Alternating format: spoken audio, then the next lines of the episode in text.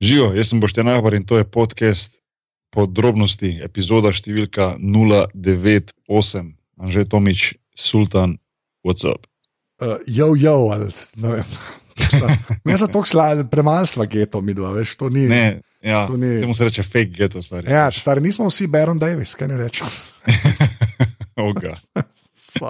Okay. Je to bil callback za štiri epizode nazaj. Ja, ja, ja. ja, ja. Ja. Okay. Okay, Um, glavno, ja, danes, uh, danes ni njegovega visečanstva, a.k.a. pižama, Ja. um, žal bo manjko, um, tako da bomo samo jaz, kasneje že gastarbajter, pa sultan. Tako, danes. tako. To, to, to je to, to je ta duo. Pač, oh, gad, kje mi to najdemo. V glavnem, um, ja, epizoda 098. Uh, prejšnji epizodi 97, ki, um, naslov sam je bil dosti zanimiv, tako da dajte po to počekirati. Uh, mislim, da naslov mega predenje dosti pove. In, Ja. uh, seveda je to bila 19. edicija Weird Zadev. Um, tisti, ki že poznate, mislim, da, mislim, da so vse besede odveč. Ja, Um, ja, ja exactly. še ena od, od, od epizod klasičnih. Ampak danes pa je, danes pa nova epizoda um, z gostom, um, Boštjano Vidimško, novinarjem dela, ki um, nam vedno postreže z um, zelo veselimi uh, novicami in zgodbami okoli iz sveta, uh, iz, iz različnih delov sveta. Seveda to mislim najbolj sarkastično možno. Um, tako da tudi nismo naredili že ne 4-5 eh, epizod, ti jih poimenuješ iz, iz terena. tako? Ja, s terena Iz je, je tudi tag. Ja, tako da. Ja. Um, in, uh, in ja, um, to bo to, uh, vedno zanimiv pogovor. Tako da, um, tako da z njim nismo slišali že dolgo časa, tako da bo zanimivo pokramljati. V bistvu malo, malo sprememba iz, iz enih weird zadev v ene dost bolj resne. Resne vode, uh, ampak zato pa to so podrobnosti. Eden, eden bolj weird podcastov out there. Ne? Dejstvo. Ki ga seveda najdete na aparatu, spika si. uh, kako? Ne, a, si videl ta sva, segway. Je, no, to, je, to, je, to tako je. Uh, imamo tudi Twitter račun, avna podrobnosti, pa počrtaj si, uh, seveda nas lahko tudi podprete, to res največ pomeni, to naredite tako, da greste na aparatu, spike si, pošiljnica podpri. Uh, in pa hvala vsem, ki dajete v iTunesih ocene. Oziroma, zdaj so Apple Podcasts, moramo se navaditi, govorite Apple Podcasts, oziroma vse podcasts, so, ker iTunesi bo hmalo več obstajali, tako da to že en let govorimo. čak, čak, čak, kaj je to? Čak, Ja, nisem- Apple Podcast, zdaj so ločili, ni več iTunesi, bojo po mojem res nehali obstajati kot neka entiteta, zdaj so vse ločili že počasno. Tako da tudi v aplikaciji na iPhonu se zdaj reče podcast, ne več, ne, da je skupaj bilo. Ne. Ni važno. Glavno, Wow, okay. uh, to mislim, da je bil admin, tako da uh, jaz sem pripravljen, ali kako se temu reče. Ja, jaz tudi bolj kot ne. V glavnem, še moje ime, full tank za poslušanje, za vso podporo, pa za komentarje in tako naprej. In tako naprej. Um, epizoda 098, Anže, štarti zadevo.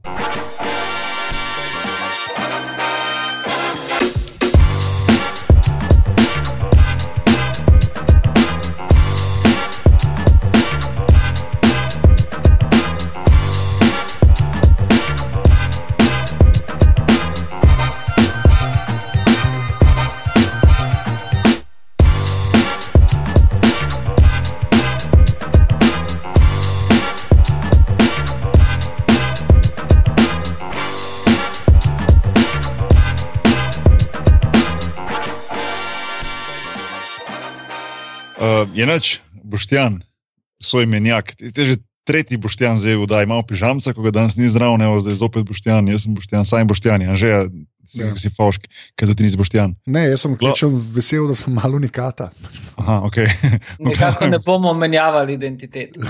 ja. Ali pač, zdaj, včasih z V glavnem, veseljem. v glavnem Boštjan, evo, dobrodošel nazaj no, po res dolgem času. Um, Hvala za gostivanje. Ja, sem mogel iti prav gledati nazaj, kdaj smo se na zadnje pogovarjali. In to je bilo, če se ne motim, že popravi me, 10.10.2016. Če, če ti tako rečeš. Ja, To 72. je pa epizoda. evo. predzgodovina, tako rekoč. Ja, tako da, lej, preskočili smo 2017. a ne. Tako da, To je pa kar ureda. Ja. Okay, Ja. ja. wow, nisem vedel, da je Ja. to cajt. ja, ja, ja, To je bilo za Ja. preskočiti. Ja. ja, ja, ni bilo nekaj 2017. tako da. Nisi, nisi ne zamudil, veš, mislim, oziroma verjetno si veliko doživel v 2017. Uh, tako da, daj, daj mi povej, kaj se je, kje si, oziroma ne. Ja, prvi povej, kje si zdaj, pa bomo pa šli malo o stvarih, ki so se zgodili med 10 in 10, 2016 pa do danes. No. Uh, um, to je 8 ur 40 bruto, nehi. ne, zdaj sem doma, um, ampak v zadnjem času pač eh, delal sem daljšo zgodbo, intenzivno dve leti turško-evropskega tako imenovanega begunskega dogovora na grških otokih. Ta velika evropska sramota pred našimi na široko zaprtimi očmi. Uh, malo predtem sem delal zapored dvakrat no, uh, zgodbo končnega vojaškega poraza, če temu tako mogoče reči, islamske države v Mosulu in človeške, človeških posledic te velike tragedije, ki jo je mesto kljub recimo temu osvoboditvi doživelo.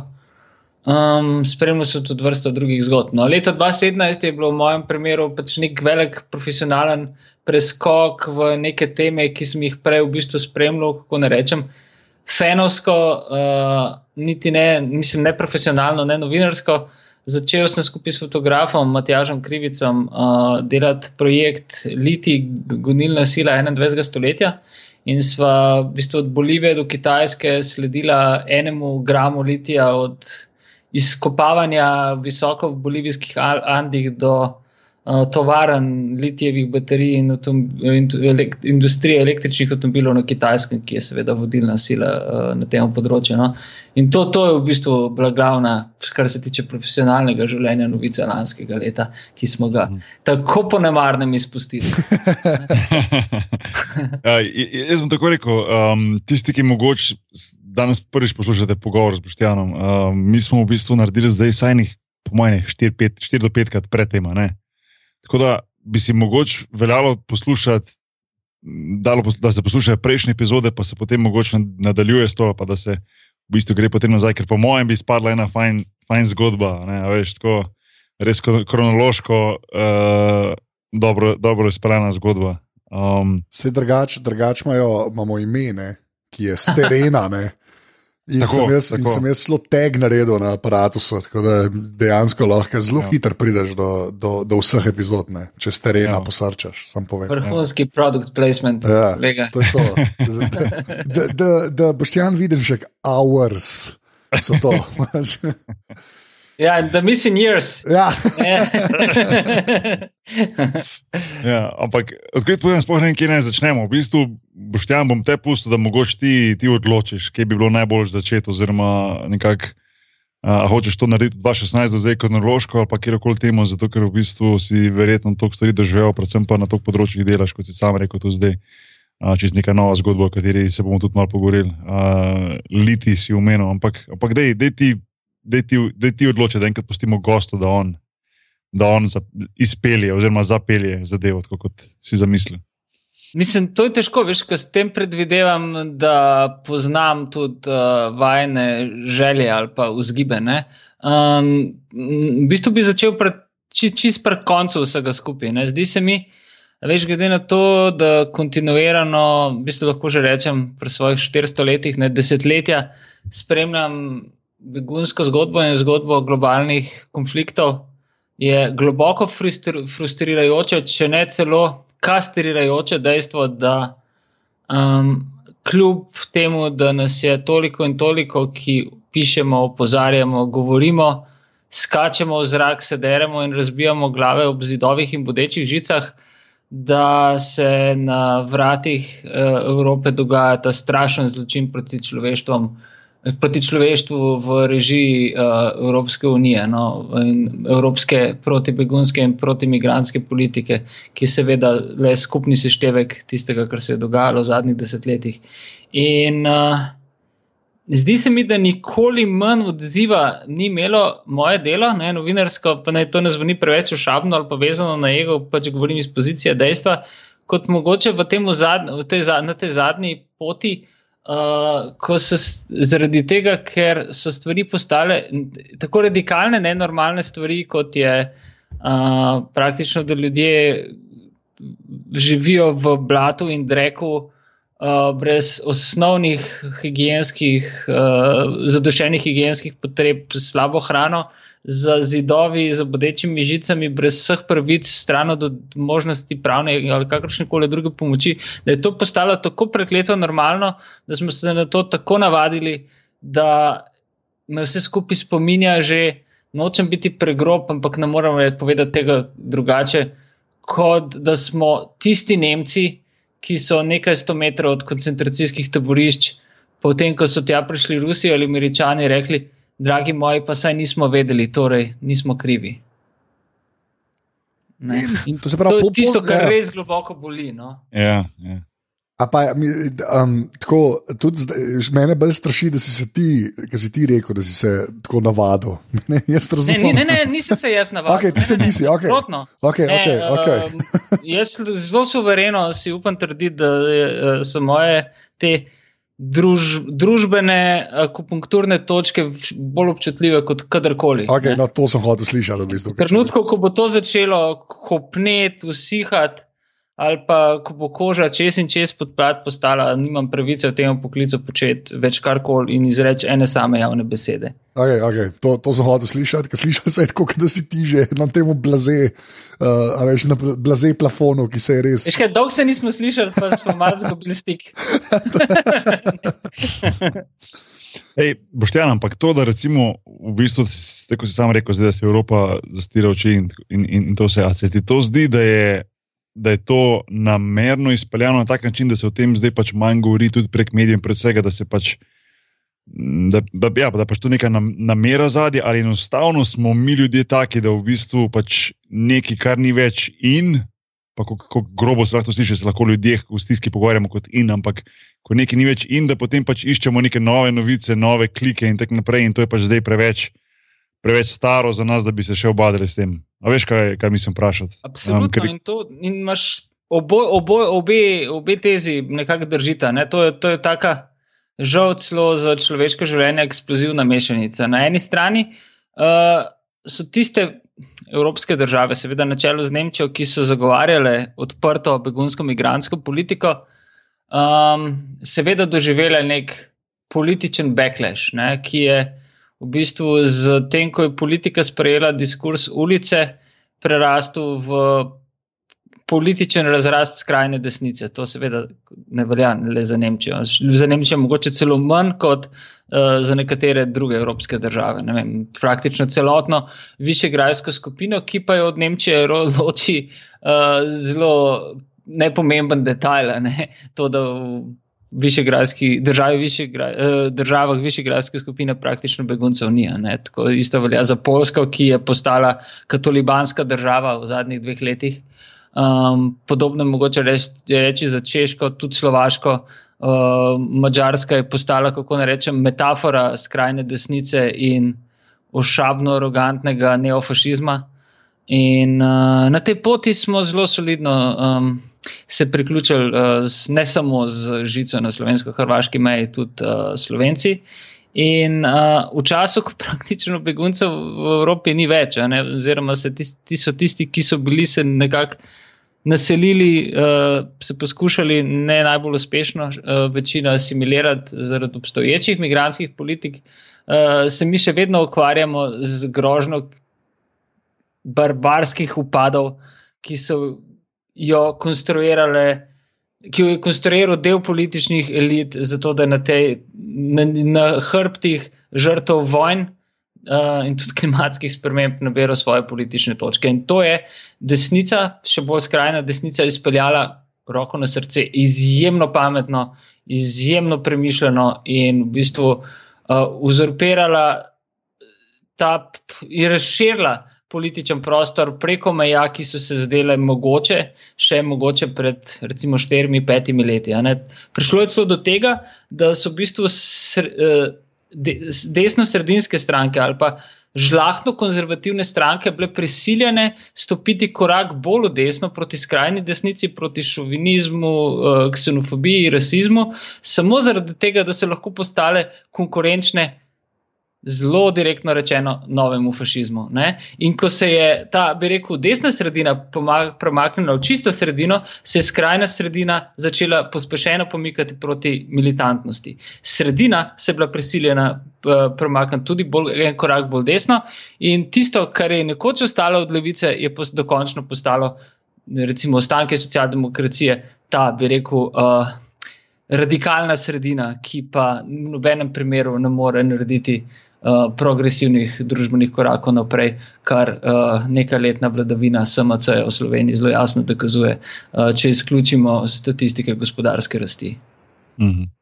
A pa, a pa je večina beguncev, ko si prej omenil, pač grške otoke, še vedno, kot je bilo vsaj na zadnje, ko smo govorili iz, iz Sirije, si predstavljam, da je še vedno, mislim, glede na to, da tam še vedno razmere davče tega, da so urejene, pa da se lahko ljudje začnejo vračati domov. Pa mogoče še besedo o situaciji zdaj tam naredil, ko si rekel, da je ta cela post-ISIS era.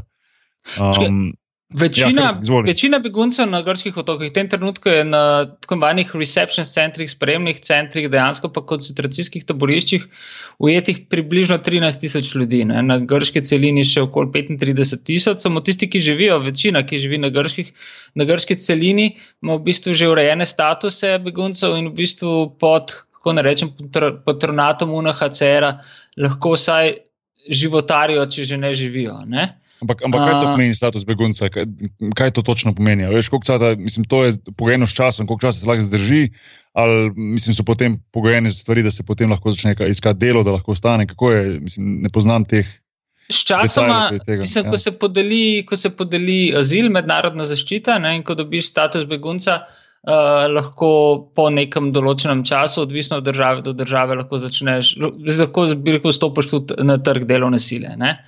Um, in, ampak uh, v tistem trenutku, ko se to zgodi, ne, to je seveda odvisno od primera do primera, praktično zgubiš neko finančno podporo. No? In je pa v bistvu velika dilema med številnimi ljudmi. Uh, mislim, še posebej po Grči, ker praktično dela ni. Uh, tudi za Grke same, um, mislim, iluzija je razumeti Grčijo na poti okrevanja. Um, Uh, so, so stvari praktično zakomplicirane, nihče ne želi zares ostati v Grčiji. Ne? In tudi v bistvu večina ljudi, ki je v Grčiji zaprosila za azil, je bila praktično v zadnjih mesecih. Zato v to prisiljena, ker drugače bi bili nemudoma vrnjeni v Turčijo, oziroma iz Turčije, mogoče celo v Serijo. Ne? Na otokih. Uh, na, na Lerosu, Samosu, Lesbosu, um, Hiosu, na teh ključnih otokih z temi koncentracijskimi taborišči, pa uh, so večinoma ljudje, ali velika večina so ljudje, ki uh, so že zaprosili za azil. Uh, in so v procesu čakanja. In to, to čakanje je silovito naporno, dolgotrajno, izčrpljujoče in ponižujoče. Ne? Številni ljudje, tako v teh centrih, ki so prenapolnjeni, recimo, vrnil sem se iz Samosa, iz tega zelo glasnega kempa Vati, kamor sem pač prišel na skrivaj, ker uradnih dovoljenj dobiš. Uh, živi okoli 1500 ljudi v prostorih, ki si jih je uradno za 700, ne? ampak to je v resnici samo neki kontejnerjev, ljudje pač živijo v blatu in držijo pozne zime, zgodne pomladi v šo, poletnih šotorih, kjer jih zaliva blato in človeško govno. Mm. Uh, otroci brez staršev, tako imenovani unaccompanied minors, Eh, živijo razbiti, razbiti, med razbitinami, brez kakršnega koli varstva ali pa psihosocialne pomoči in so prepuščeni samim sebi. Veliko je nasilja, tudi spolnega nasilja, ženske si, potem ko se stemni, tudi približno ne upajo iz zaprtih prostorov. No? To je tudi zelo jasno zapisano v predzadnjem poročilu UNHCR iz grških otokov. In uh, grška država je, um, vedno poskušam najti kakšno dobro besedo za uh, ljudi, ki delajo z begunci, tudi strani uh, uradnih struktur, uh, popolnoma pogorela, ne, kar se tiče uh, odnosa do migracij in begunstva. Dobiva solidno veliko denarja strani Evropske unije za pomoč ljudem, za vzpostavitev. Uh, Vsaj približno funkcionalnega, učinkovitega azilnega sistema, ampak ta denar čudežno izginja v oklepaju, ne znano kam. Ne? Uh, in uh, ljudje zaradi tega neskončno trpijo. No. In nobene rešitve ni na obzorju v zadnjih tednih, recimo od meseca pa pol, zdaj pač, ko se morje malce umirja, prihaja tudi več ljudi. Ne, um, turški predsednik Erdogan um, je pred nekaj dnevi uh, rekel zelo po domače: Evropa nam je od uh, šestih obljubljenih milijard evrov, toliko je bila cena um, zaustavitve migracij uh, proti Evropski uniji, ki jih je na človeškem bazarju izpogajala Evropska unija pred točno dvemi leti, dolžna še 3 milijarde. Uh, če tega denarja ne bo, se pripravite na vroče poletje. Ne? Uh, tako deluje moderna politika. Na krilih, če pa zdaj vstopimo v nek malo bolj političen, geostrateški, zunani političen kontekst, uh, na krilih vojaške zmage, um, po mojem mnenju, sicer kratkotrajnega triumfa, ki bo imel hude posledice za Turčijo v prihodnosti, v Afrinu proti um, ljudskim zaščitnim enotam srskih kurdov, um, ki je v bistvu bilo ta, ta, bi rekel, vojaška operacija, cinično pomenovana Olčna vejca, je uh, dobila zeleno luč najprej Rusije, potem pa tudi tiho privolitev Združenih držav in to je Erdoganu, ki se ga je zadnja leta precej stiskalo uh, v. Na tešče, bi človek rekel, v mednarodni skupnosti dala nevrjetno in za številne ljudi smrtno nevarno samozavest. In Evropa je vseh teh kombinacij popolnoma izpadla. In ko bi rekel, no, uh, turški sultan se zelo dobro zaveda, da lahko kadarkoli in kadarkoli se z Evropo uh, poigrava na zelo mehkem prostoru ne, in ustvarja gužvo, in bo vedno imel upper hand v tej zgodbi, ker od Evrope ne pričakuje več ničesar. Um, turško, zgodba turškega približevanja Evropske unije je nepovratno končana.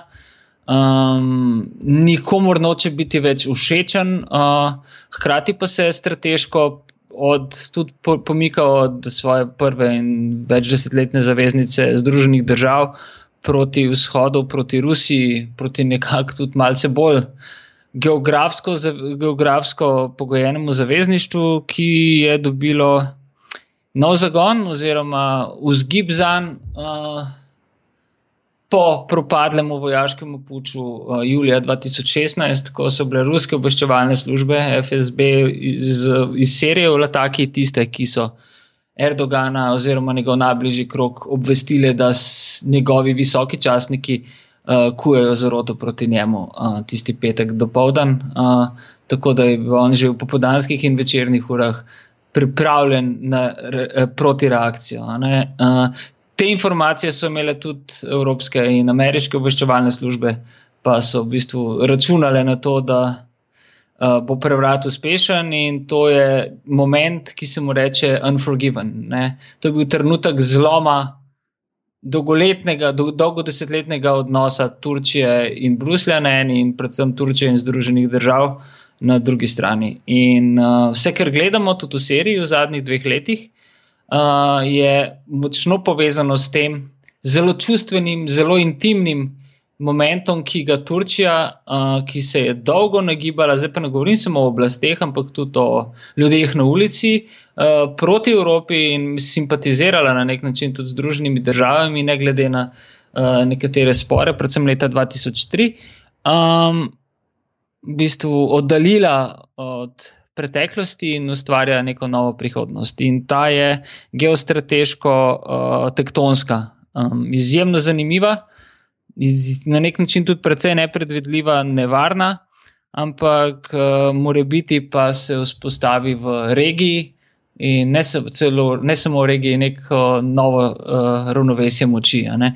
Ne, ne pozabimo, da se pogovarjamo ravno o dneh, um, to je za me nekako zelo občutljiva čustvena tema, ker to doživljam zelo osebno uh, v, v spominih, uh, ko, ko um, mineva točno 15 let od začetka znamenite operacije Iraška svoboda, Iraqi Freedom, ne, uh, ko so Združene države z invazijo, ki se je začela 19. marca 2003, v bistvu odprle to gigantsko Pandorino skrinjico uh, in poskrbele za strašen kaos uh, razkroj države, iraške države, sprožitev državljanske vojne, uh, izbruh medsektaškega, nas, sunitsko-šitskega nasilja in potem um, nekako kot koncentričnih krogih širitve nasilja po velikem delu Bližnjega vzhoda. In, uh, Sirsko vojno še vedno razumem, vsaj delno v kontekstu leta 2003. In uh, tudi migracije in begunci, ki smo jim priča, so na nek način uh, v nekem jedru, v nekem prav vzroku, uh, v nekem arheju povezani z letom 2003 in operacijo Iraška svoboda. Veliko stvari uh, se, se, se, se je sestavilo v nek sklop. Uh, ki bi mu v jeziku ameriških think tankov iz začetka tega tisočletja preprosto rekli kolateralna škoda. Ja. Čakal, čakal sem. Vem, vem, položil sem ti, ti meni. Ja. Ali ni smešen, da je dejansko to, kar rečeš 2003, ne? da si imel vmes v bistvu pol še en mandat Busha, pa dva mandata Obama, zdaj imaš pa še Trumpa. Mislim, da zdaj je res postaja smešen. Ja, zdaj, zdaj, je, zdaj je res weird. Rata. Mi je pa huda ta kombinacija, pač to, da se pač Turki, gremo temu reči, skregajo z američani. Uh, pa pa, recimo, če bi samo obveščevalne službe zajebale, ne, pa Erdogan, pa imaš že spet Trumpa na unji strani, ker so očitno vsi muslimani najslabši ljudje na svetu. Ne. Kar mora biti res v redu za kakršne koli odnose.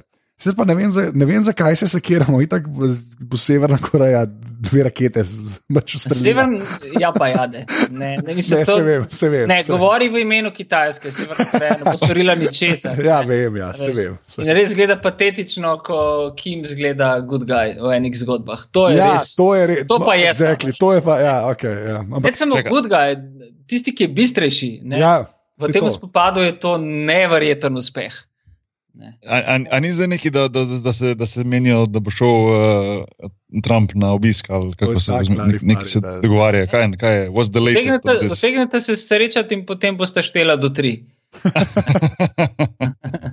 Brez rdečega knopa v bližini. Ja, je, ne, jaz mislim, da je to tako boljše. Ne, mo, ne, ne, ne, ne more biti tako, da on reče: Jaz bi se vam mogoče dobil.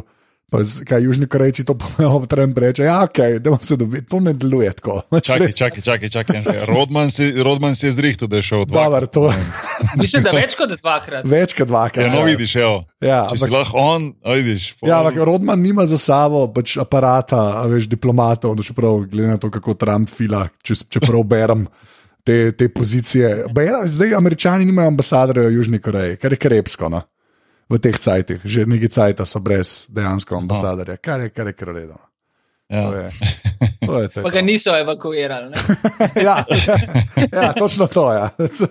Ja. Se vedno spomnite, slučajno, kje sta bila 19. marca 2003, oziroma kje sta videla prve rakete, ki so poletele pred Bagdadom in kaj ste si ob tem mislili? Jaz, jaz vem, kje sem bil. Ja. A veš, kje sem bil jaz? Se prav spomnim. Jaz sem bil na, jaz sem bil na tekmi v Seattlu, stari. Imeli smo, majke mi poslušajte, imeli smo tekmo proti Seattlu in je bilo, mislim, da, točno, da je bilo pred tekmo, um, kao announcement, v bistvu, da, je, da je pač Amerika stopila vojno. Tako da to, to se spomnim. No, tako, evo, ja, evo, A si imel ja. čustven odziv na to, ali bi rekel, si bil tok v tem? V bistvu sem, v bistvu sem bolj uh, američane, v bistvu m, se mi zdi, da sem bolj njih opazoval, a veš, te ljudi okoli mene. No, In me je precej presenetilo njihova, bom rekel, mirnost glede tega. Zato, ker, ne, mislim, takrat sem bil šele leto v Ameriki, a veš, in tako mi je bilo vse novo. In, in mi je dosti veliko presenečenje, da v bistvu um, ti zveš, da pa če tvoja država, kakorkoli že pač stopila v vojno, kakršna koli že vojna to je, oziroma kjerkoli že je, ne, mislim, sigurno gre za izjemno resno zadevo, ampak da potem pač normalno greš tekmo naprej, pa folk navija, pa vse se postara. Tako mi je malo. To, se, to imam prav tako občutke in se spominjam teh, da je bilo prav malo mal čudno se to spremljati. No. Um, nisem sam imel nekih takih pa drugačnih odzivov, sem bil super na tem, da je pač uno, business as usual, veš. Mhm. in, uh, in ne vem, ali je to dobro, dobro ali slabo, nisem nikoli se poglabljal v to. Ampak ne vem, mislim, sem gledal to bolj zornega kota, pač kaj, okolje, ki sem ga jaz navajen. Veš, si predstavljam, da mislim, moj, moj, moja povezava z vojno v Sloveniji je bila čist. Je bila čisto drugačna. Mislim, eni so, so doživeli več, eni manj. Recimo, jaz sem bil takrat zdrav, grado, da imam še vedno zelo, uh, zelo rekel, čiste spomine um, na to, kaj se je dogajalo, ne glede na to, da sem bil takrat star deset let, ampak je bilo par takih zelo pretresljivih trenutkov. Ampak mene pa predvsem to presenetilo pri američanih, da je bilo to zelo mirno spremljeno. Mislim, ja, velika stvar, ja, ampak da je to bilo zelo tako, pač ok, and now let's play a game. Veš, pravno, pač, veš, mislim, da bi v nekih teh drugih državah predvsej drugače ljudje odreagirali. Vse meni se je tako zdelo, no. ne vem. Zdaj, že, potem, Ja, ne, jaz, jaz, mislim, jaz se spomnim, ker se je vse skupaj začelo, ampak jaz sem bil takrat, pač me so te stvari že tako zanimale, da sem že tako, že, že ta uspon Buša, pa vseh teh ljudi, ne, sem, sem že takrat spremljal in, in je bilo povedano, to je bilo tako sam pikanijo, gad, to bojo rešili delati. Bolj, jaz sem imel bolj ta, ta moment, ki je bilo tako gadne. Že, že, veš, ka, jaz mislim, da se kar pozabiš, boš nikoli zmagal, zmagal volitev. Ško, ni bilo. Oh, ja, veš, že na začetku je bilo malo weird, pa je bil pa ta, pa je bil pa 11. september, pa je bilo pa dejansko, kaj let pa pol, ne, je bilo pač kao debata, kaj bomo naredili, treba je bla bla bla. No, ne ne pozabi, da je bil že mesec po 11. septembru napaden na Afganistan. No, no, to je itak, to je itak. Ampak hoče samo reči, da ti si bila tu na ta prva reakcija, pa pa misliš, ok, zdaj so šli v Afganistan, pa takrat se je full Al-Kaidi govoril, pa vse to ne. Pa rečeš, to je ta knee-jerk reaction od američanov, ne, a veš, pa rečeš, ok, a ne. Pa so pa te krše, mi bi pa še, dajmo pa še Irak zdaj, recimo, ne ta del, to je memlo, ki mi je tako, ka, prosim, ne imenujte, le te, kaj se v Afganistanu dogaja, upite modeli, pa valjda niso. Ne? In pa, kaj pomisliš, da to še zdaj traja. Ne? Uh, kaj, v bistvu je, sej, unale, Afganistanska je že praktično polnoletna vojna. Mislim, uh, bo, bi rekel, letošnjo deset, uh, po ameriškem štetju, ne bi sicer mogla trajati še malo dlje. Ja, to je res. Uh, Ne pa pozabi, da v bistvu afganistanska vojna v bistvu traja točno 40 let. Ne? No, ja, ok, to je tam. Uh, ne, ne, no, se, se strinjam, mene, mene, mene res, mene zmeraj bolj, glej to je res, to, kar sem prej rekel. No, kar si rekel, da, da je zdaj 15 let, ne, pa od Iraka, ne, je res tako, to, to je res že obdobje. Veš kaj, mislim, to ni več. Uh, to, druga svetovna vojna je bila pet let. Doba, to je doba, doba je. Ja, to, ja. to ne, res, mislim, ja. doba, ki je vse nas, po mojem, brutalno spremenilo. No? Vem, jaz, ko sem šel tja kot novinar, sem verjel, da veš, um, ima naše delo smisel. Veš, po 15, 15 let kasneje in uh, yeah. Ja. kak duca dvojn kasneje. Uh, si tega ne upam reči na glas, intimno pa si še naprej lažem. Mene, mene bolj to, mene, uh, resno, zelo kar se Iraka tiče, ne, uh, Je ta, jaz ne vem, kako je zdaj to res, ampak to so pa te pač, zgodovinske, zgodovinske kvazi dejstva. Ne? Ampak ta, pr, ta prva zalivska, ne? ameriška, ne? Uh, tam je bil še Bush senior, ki, ki je v bistvu ustavil, ki je rekel, okay, kovajc smo zdaj kao rešili, zdaj pa pejmo, več ali manj. To je zdaj zelo posplošeno rečeno. Ampak ker že takrat so bili ti apetiti, ne, da demo še kaj narediti, pa bomo gradili nacije, pa hearts and minds. Pa, no, vse si ne znajo. Vse to, ne, vse, to je res. Ampak načeloma, te starega so pa ali je ona, so se pa dejansko nazaj potegnili, pa je pa zgubil volitve, ne, pa je Clinton letel, ne, pa je bila ta zamera, pa je mogel sin, sin počitno dokončati delo. No. Ampak ko jaz imam bolj zmeren to v glavi, kot si, veš, ne da je to na kakršen koli način dobro, ampak vse Afganistan je dost, veš, če že morijo, ne, to je zelo cinično. Ampak ta, ta Irak je pa res bil tako, jaz se, to se res v bistvu najbolj spomnim, takrat, ker je bilo tako, moj bog, a, a še to. Pač to je res najemno. V prvi zalivski vojni je bilo skozi jasno, da uh, se ne bo šlo do Bagdada.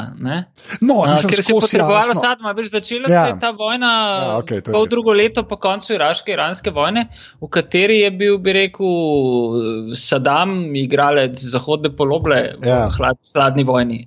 Ja. Um, in z nečem ga bo treba, kako bi rekel, nagraditi. Ne? In uh, ne pozabiti, da je v bistvu tudi iraško-iranska vojna se na nek način praktično skozi celih 80 let, skozi celo 80 leta odvijala na neki uh, tej hladno-vojni liniji. Ne? In potem, ja. ko uh, v bistvu zalivska vojna, oziroma že priprave na, uh, že priprave na zalivsko vojno, potem, ko je pač Saddam zasedel Kuwait poleti leta, mislim, avgusta 1990, so bile nekako povezane tudi z nastankom nove svetovne ureditve, ureditve s to veliko ložjo v, kon, v koncu zgodovine, ne pa pacu Berlinskega zidu, po začetku razpadanja Sovjetske zveze in praktično uh, koncu komunizma v vzhodnji Evropi. Ne.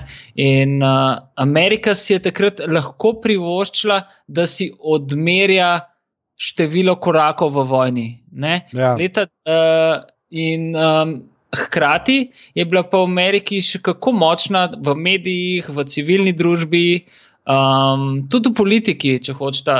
Um, ekipa ljudi, ki so odraščali, profesionalno, etično, osebnostno, intelektualno ob vietnamski vojni. In želodec še ni bil pripravljen na velike izgube down there. Ne? Uh, in že tako je bilo težko dati uh, boots on the ground. Uh, zato uh, je bila tudi sestavljena tako velika gigantska mednarodna koalicija mm. uh, v koncu leta 1990. Vmes so se pa potem od 1990, kjer je bilo taktično popolnoma logično to, kar so naredile Združene države tam in posledično žrtve zbudile sovraštvo uh, šijitov iraških uh, do. do Uh, ameriške vojske in sploh do Washingtona, zaradi tega, ker, jih, ker je del šiitske skupnosti v Iraku takrat podprl ameriško invazijo in, spro, in tudi ameriški agenti so pomagali sprožiti nek notrni upor proti Sadamu in so jih, najprej, so jih pustili na cedilu in potem je sledilo brutalno Sadamovo moščevanje. Če se ne motim, bila tudi ena točka obtožnice in potem obsodbe, zaradi katere je Sadam potem obvisel. Na drugi strani. Uh, 2006. Uh, leta, uh, na drugi strani pa um, so američani v bistvu uporabljali, zlorabljali tudi kurde, uh, um, v iraškem Kurdistanu in jim svetu obljubljali, uh, da, da sledi uh, neka avtonomija in zaščita, in tako naprej. In potem, ko so jih uporabili, so jih seveda po uporabi zavrgli. To se je zgodilo uh, na nek način tudi uh, septembra lani po refer sicer uspešnemu referendumu, nesmiselno speljanem v katastrofalnem tajmingu, ampak uh, na tem referendumu sem bil v, v, v, v severnem Iraku, v iraškem Kurdistanu in to je v bistvu bil začetek razpada. Zdaj smo pač pomešali veliko tem uh, idejo o kakršni koli možnosti, da bo kdajkoli, kjerkoli obstajala kurdska država. To, kar danes gledamo na severu Sirije, je le nadaljevanje tega, kar se je zgodilo septembra in potem oktobra s posledičnim upadom iraških sil na prej kurdska območja v Iraku. Ne. Ne, se to, to imaš prav, kar se 91, pa pol tiče. Ne. In kleže spet lahko jaz plagam moj najljubši dokumentarec na to temo, uh, The Power of Nightmares, The Rise of Politics, of Ferodena, Makartisa, če ga kdo še ni gledal. Mm. Je, jaz, jaz, po mojem, nisem. Ja, verjamem, da sem ti že stokrat vse skapdal. Čakaj, sem. Vse, še enkrat... Mislim, da sem ti vse dal, od Krtisa mislim, da sem ti čisto vse dal. Ampak ne, ne, ne to, to je ta point, mi je bil zelo všeč od eh, Baštja, ker pač. Um, Da takrat, res smo 91, so bili še zelo nervozni zaradi Vietnama, ne, kar pošiljati ne, uh, vojake kamorkoli. Pa je pa ta, te neo, neokoni, pa so pa v 90-ih uh, krijezni žeratali, te jastrebi, razni Ramsfeld in podobni. Ne pa Bill Crystal, pa to ne. Ti, ti sem jaz pol spremljal, v bistvu pol okoli 2 Jurija, 2 Jurija, 2, 2 Jurija, 3. Tako, ja. In pol, kaj te ljudi vidiš, vidiš, mislim, zgleda pa, kot da je bilo dejansko čist neizbežno. Da bo in Afganistan prvo, kot un prvi, kao kontraudarc za 11. september, pa pa še ta Irak, ker si pač niso mogli pomagati, pa da pač dokončajo, kar jim je bilo vzeto leta 91 je, oziroma česar takrat niso mogli narediti, kot si rekel. Evo, they're still there. Ja, kar je kar, kar epsko. No. Kar je kar epsko. To je, to je... Až kaj pa meni zanimivo? Prej, recimo zdaj si ti že omenil 91 let, pa jaz sem jih prej rekel, da je to kot neka doba. Meni se zdi pa fuz zanimivo, recimo, kako se je spremljanje medijev, recimo spremljanje vojne strani medijev, recimo spremenilo v vsem tem času, v teh zadnjih, recimo 25 letih. Um, od tega, da smo včasih imeli ti se res priporočili, da smo gledali kakšne stare posnetke, pa tako se spomnim tistih Night Vision um, posnetkov, veš, ko je izgledalo, kot da ima kako mesto fešto, ampak so bile rakete. Um, do tega, da v bistvu zdaj dejansko na teh pametnih telefonih, na Instagramu, recimo, pa tako naprej, lahko dnevno gledaš posnetke recimo, iz, iz vseh teh prizorišč, ali to ne vem, kakšna vojna, kak, mislim, kakšna vojna, kakšna kako na, kak obstreljevanje, kako ne vem, kako še hujši, recimo tisti videoposnetek iz, iz teh dronov in tako naprej. Um, ne vem, boš tam, kako recimo si ti recimo to, to spremljaš, to, recimo, to odvijanje, kjer je dejansko vojna včasih se nam zdela tako daleč, zdaj se nam pa dejansko lahko zdi dosti bliže, tudi zaradi tega, ker imamo dejansko lahko v roki vse te posnetke, ki se recimo v nekaterih primerih isti dan zgodijo. Ne? To nikakor ni zgodba kvaliteti, ampak je zgodba izključno in samo o kvantiteti. Um, glede na to, da sem, veš, v bistvu tam od leta, pa dobro, če, če štejem tiste okorne začetke ob koncu jugoslovanskih vojn na Kosovu, v bistvu ravno z letom 2001 začel resno delati vojne zgodbe. Ne? uh, Pakistanom in Afganistanom, in potem jih delam še naprej do danes. Ne. Lahko v bistvu zelo uh, kronološko opišem, kaj se je zgodilo. Uh, smo, um, to je, spremembe so v prvi ali ne, ne povezane z silovitim razrastom informacijskih tehnologij. Um, če, bi, če bi recimo leta 2001 m, nekje iz afganistanskih hribov lahko samo z noro dragim ali iridiumom ali pa turajo satelitskim telefonom poslal uh, nek raport, ne? Ker seveda mobilnega kritja ni bilo, bi iz istih krajev danes, recimo iz Tora Bore, lahko iz svojega telefona. Um, poslal nepretirano drag, um, direkt, direkten um, war report uh, v živem času, um, v bistvu v live streamu um, vsem uh, tistim, ki spremljajo moje delo. Um, to je zares uh, revolucionarna sprememba. Ne? Ampak uh, v koncu dneva šteje zgodba, ki jo govoriš, ne način, na katerega je ta predvajana in posredovana. Ne? In uh, v tem drugem modelu, ne, če je tisto prvo vprašanje kvantitete, ne, v resnici tega, koliko so nam stvari dostopne in koliko so nam dostopne, ne, seveda so nam mnogo bolj, ne, uh, se pri kvaliteti tukaj pojavlja eno zelo pomembno vprašanje. Um, v času, ko se nam zdi, da nam je dostopen cel svet in so potovanja cenejša in se leti lahko, bi rekel, vsako vesolno že pokrečino, so potovanja na vojne žarišča, izuzem še nekatera pač specifična, bolj otežena kot kadarkoli. Ne zaradi tega, ker logistika ne deluje, ampak zaradi tega, ker smo novinari po letu 2001 uh, praktično postali uradne tarče uh, uh, vseh oboroženih skupin, marsikaj, tako vladnih, kot uporniških, terorističnih, skrajnih in tako naprej. In število ugrabljenih in ubitih novinarjev nikoli v zgodovini ni bilo večje kot v tem obdobju. Mm. Um, to smo se pač tudi v kakšnih drugih zgodbah pogovarjali o ugrabljenih in ubitih novinarskih kolegih. In ja, ja. To je na vse frustrirajoče, zato ker se uh, še pred odhodom na teren zavedaš svojih omejitev, uh, um, z leti človek, uh, ko bi rekel, zminimalizira, z, z optimizira tveganje in uh, zelo hitro pride do zaključka, da um, ne more več stvari upravljati tako, da bi lahko javnosti korektno, primerno in kredibilno vse čas predstavljal zgodbo. Um, seveda, če ima pri sebi dovolj uh, etičnih in osebnostnih orodij. Uh, zakaj? Zato ker tukaj in zdaj prevladuje popolnoma nov uh, diskurs razpršene pozornosti, uh, diktature mnen ki, uh, na socialnih omrežjih, ki so popolnoma neosnovana, nimajo za sabo nobenega znanja, nobenega vedenja, nobenih izkušenj, nobenega neposrednega dostopa. Um, ko dejstva ne živimo v času, ko ne štejejo dejstva. Um, ne, ne, ne rad omenjam fake news, ampak gre na to, da je to neka marela, krovna, krovni izraz za to, kar hočem reči. Uh, v bistvu kot novinar stare šole, te generacije, ki je v bistvu doživela recimo, prehod iz analognega v digitalno, uh, tudi na terenu. Ne, um, Si upam suvereno trditi in to s hudo bolečino v drobovju, da smo popolnoma ali pa skoraj popolnoma nemočni v boju z uh, sitkom drekači. Uh, recimo, ne vem, primer tega je dober primer tega, je sirska vojna.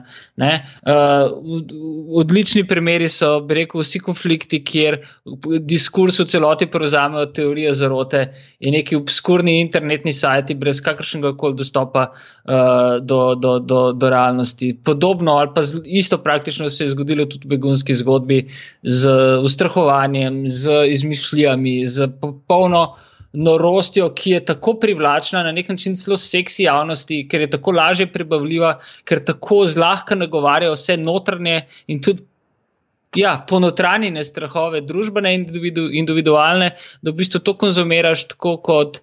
Toksično hrano. Ne? In toksična hrana ti dokazano, bi rekel, čreva vplivajo na možak. In uh, jaz tako s hudim strahom pred tem, kaj sledi, ne samo za naš poklic, ampak na ravni družbe, spremljam to poneumljanje, ponorenje uh, javnosti, publike. In, uh, ja, zdaj, ti, to, zdaj ti hočeš reči, da ljudje, ki na internetu berejo chemtrailih in temu verjamejo, verjamejo teorijam zerotam Sirije. Presenečen sem, presenečen sem. Da se to dogaja. Izjemen sklep. ja, mislim, moram reči, da kako točno se to zgodi, ker vsak, ima sedem minut sajta, nekaj lahko napiše da se to, to potem na vojni. Tam ima sedem ur cajt, ja, natančno. Ponovadi je res ja. tako. Ja, ja ne, tega, ne, res, ker jaz sem tudi, jaz sem zadnji cajt, zmerno bolj sem anojit, ker je to crazy. Mislim, to, take stvari, ki krožijo po netu zadnje cajt, ne vem, zadnje cajt, to je zadnjih deset let, ampak. Jaz tudi, že, jaz več ali manj, če čisto upal. No, to pa ne gre za pismo, že tebi, recimo, ti, ti si znalec pisma, ti znaš, ti, ti, ti znaš in, internet, ti poznaš internet inside out. Kaj pa enko ne, koliko naj en tak čist navaden človek ve, kaj ja, kaj ne, kaj zbirati, kaj brati, kaj ne. To se mi zdi, da. Ne, pa se jaz, sem, jaz sem tako občutek, da je človek že, napre, da je to že naprej svojeno na propad. No. Mislim, se človek ne more ločiti med enim in drugim, tretjim. E, ne, mislim, jaz mislim, ti, ja, pa ne, nekdo, ki je malo bolj izobražen na tem področju. Ja, Ključno vprašanje. Ne, jaz, pa, jaz pa mislim, da se pač čist da ločiti. Jaz pa mislim, da, pač to, da sploh ni taka težava. Ne.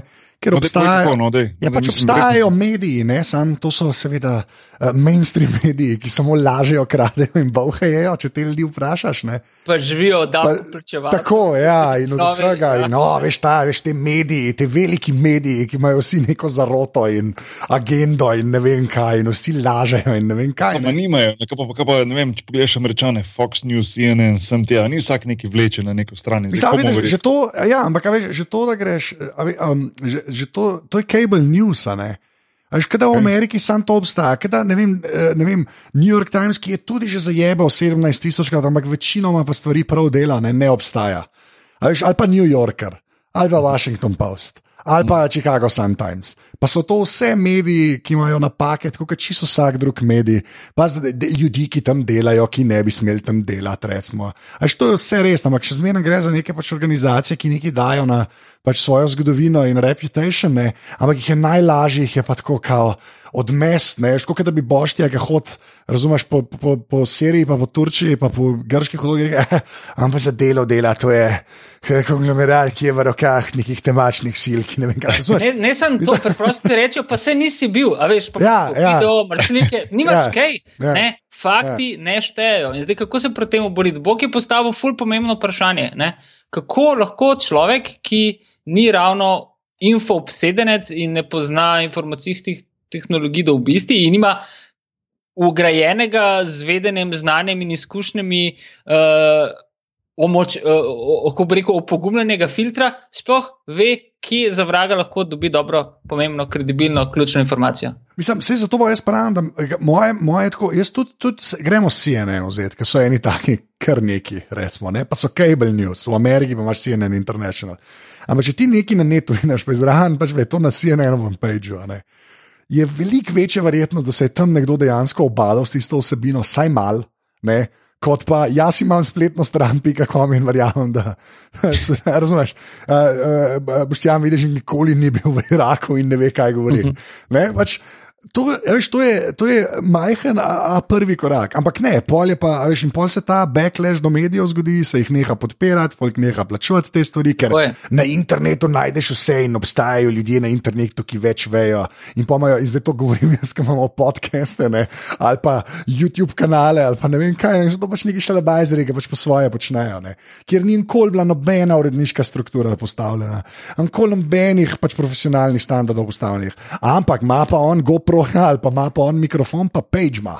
To je pa dost. To je pa, zdaj, to je pa, on pa ve. Ne? Veš, in, in jaz, veš, jaz ne vem, pol, kaj da mi polk reče. Ja, ne, res, jaz to vse vidim, da zmal jezen, ratujem, se upravičujem. Ampak, ne, ne, pa pač, to je kar udri, udri. Ne, ne, sem emocij, emocij iz tebe. Ne, ne, sem pač tako je. A veš, ker, obstaja, ker obstajajo pač mediji, ki obstajajo dlje časa z, z razlogom. Ene, eni so absolutno samo interesni, eni točno veš, v kjero špuro grejo. Ne. Ampak če imajo pač neko resno, pač, saj news uredništvo, če postiš opinion namerne. A veš, če imajo neko resno news uredništvo, je velika verjetnost, da ne bojo šli zelo lahko misliti, česar koli pisati. Ne. Je res, da pa je to internet, seveda, s clickbaitom in z vsem še bolj ne zamaskira, kle se strinjam, ne, kako kaj vedeti. Ne. Ampak uh, veš, zaupati pa nekim uh, um, im, im, medijem, ki dlje časa obstajajo in imajo vsaj neko zgodovino uh, čim manjših napak, ne? ker napake bojo vedno, ker je to pač del tega poklica, fakit. A veš, verjetno pa vsaj mu, ki se mu da podcast, uh, YouTube kanal na resne, ali pa page postaviti, ali pa Facebook page postaviti, to je še najslabše. Unika ima samo Facebook page, ki še strani nima, ne, ki mi gre najbolj na jedra. A veš, je pa pač pa, pa ja, v redu. No, ampak je pa res, edina stvar, ki jo jaz kle, kle razumem. Ker pač na, na to padajo pač inteligentni ljudje, pa široko pač kotni ljudje, ki pač mislijo, da so neki več zvedeli v lifeu, ker jim seveda tradicionalni mediji vse zakrivajo, ker imajo vsi. 17 tisoč agentov so plačani, in pa zdaj, bošti pa jaz, pa bolj George Soros plačanca sklepam, če bi koga vprašal. Veš, Aha, še, tudi ti. tudi jaz, tudi jaz sem v klubu. A, a si dobo ček za ta mesec. Ampak, ja, veš, kaj na drugi strani pa ne vem, kdo točno te plačuje, ker tistega ne poslušam. Tok, ampak ja. Zmeraj je nekdo kriv. Ne? In, je, in je, to, to je pač mene, mene ta del. Mene v bistvu bolj skrbi, bolj, bolj kot ljudje, ki bi nasedali tem, temu folku, ki sam neki dela na netu in pač misli, da ve, kaj govori. Me, bolj me skrbijo ti ljudje, ki to delajo. Mene bolj skrbi en, ki se resno predstavlja uh, na, z nekim pageom in potem pluva po etabliranih medijih, da kako oni nimajo pojma, da to je vse nek reket, kjer so vsi vse neki zmenjeni. Pa meni v bistvu ne pozna tega posla. Ne. Tako da te ljudi mene veliko bolj skrbijo, kot pol raja, ki tem ljudem nasedek. Se mi zdi, da pač folk bo, si upam reči, da na eni točki brendi včasih zmagajo, ne? čeprav social medije bomo videli. Ampak, tako da to, no. če me ne vprašate. okay. mm.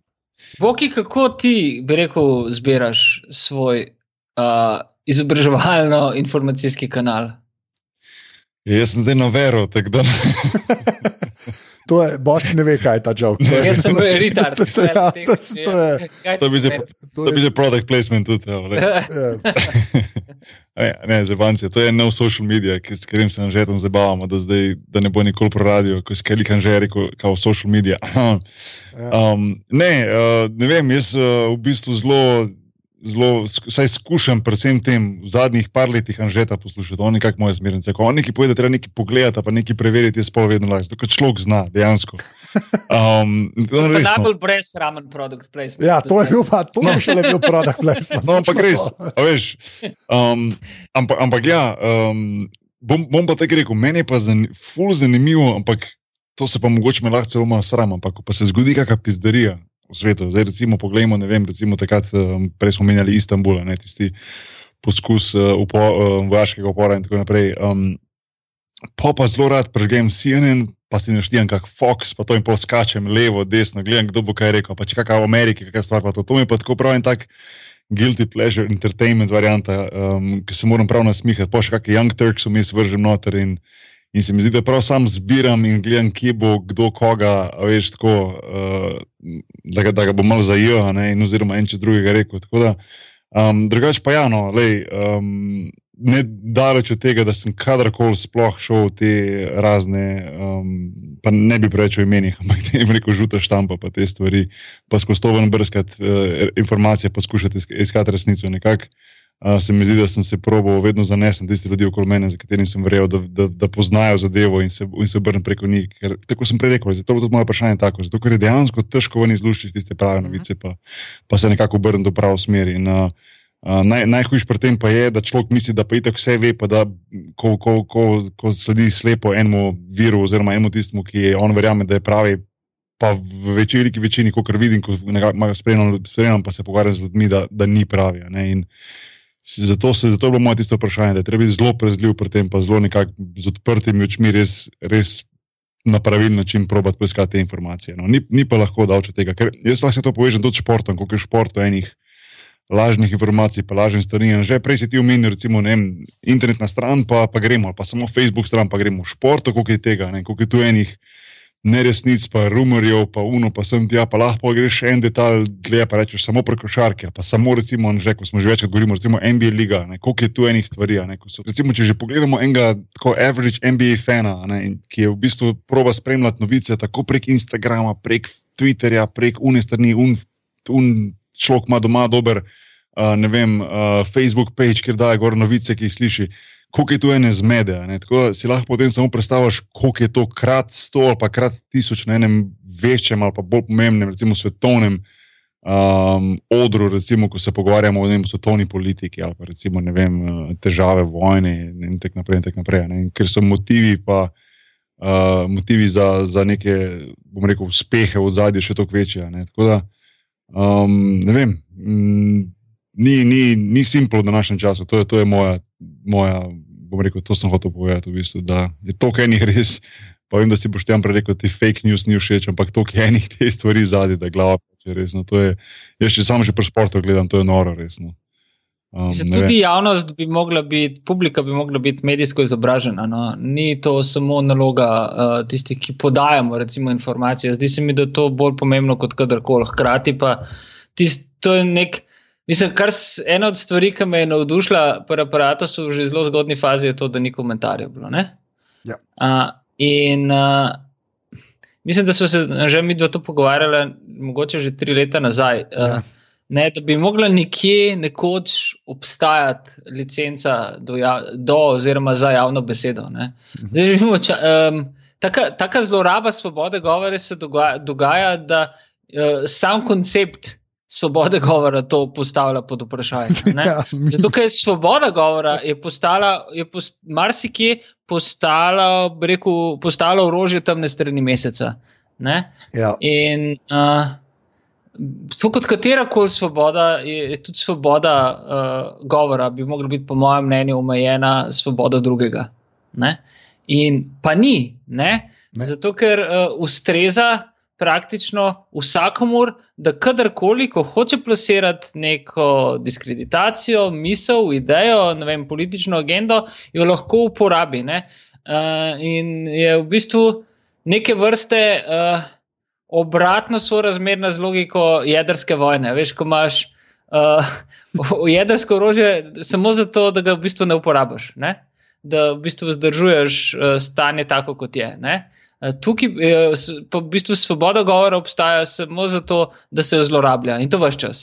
Vse čas, vse čas, vse čas. In meni se ne zdi prav, da recimo nekdo, ki ne vem je ultimativno pismen, ki je celo življenje po svetu, tako pisani kot govorjeni besedi, ima uh, ravno toliko dostopa do javne besede in mnenja, še posebej, če gre za etičnega, vedočega človeka, uh, kot nekdo, ki. Um, Si ta prostor samega po sebi, same, samega po sebi lasti. Tudi to je veščina, tudi to je nekaj, kar si je potrebno prislužiti. Ne? Eh, v osnovi, seveda, lahko pripada in fajn je, da pripada vsem na enak način. Ampak, bi rekel, za uh, ne za uh, uveljavljanje osebnih, političnih, kakršnih koli že interesov. In to, kar se je, mislim, pred internetom je bilo to popolnoma drugače. Uh, zato, ker je bil uh, javen diskurs omejen, ne? limitiran je bil na zelo oske in hkrati uh, že v osnovi omejene, uh, omejene kanale, ne, ne vem, televizijo, radio in tisk. Če, če so pisne tisnjene, je bilo to to, in uredniki so zbrali štiri od tisočih pisem bralcev, uh, ki so se jim zdeli primerni. Ne. Vedno se je delala selekcija. Ne. Zdaj pač uh, te izbire praktično nimaš, ali jo pa imaš na ravni, kot jo imaš. Kot, kot imate vi, ko pač imaš veto. Ja. In uh, se mi zdi, da na ravni dogovora med medijskimi hišami, vseh vrst, vseh oblik, uh, vseh uh, zagonskih energij, bi mogli biti. Uh, bi mogli priti do tega, da pride do totalne omejitve komentarjata. Ne? Tukaj se rojeva veliko zlo in tukaj se odvija moderna politika, tukaj se dobivajo in izgubljajo volitve.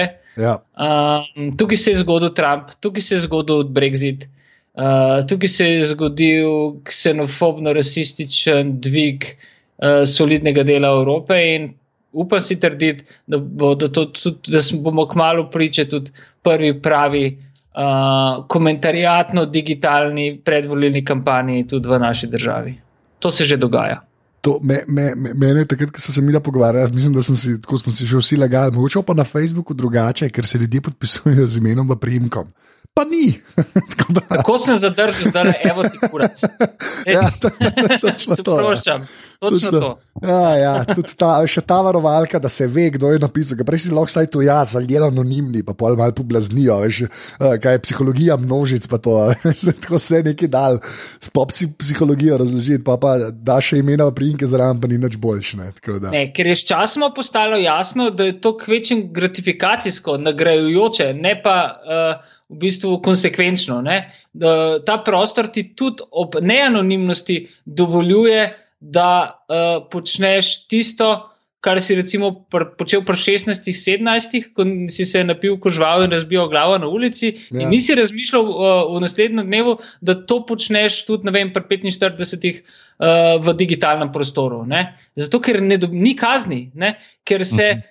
Uh, ne tako ali drugačne, ne bi rekel realne, uh, spravno podlago, ne neke etične, osebne, odnosne.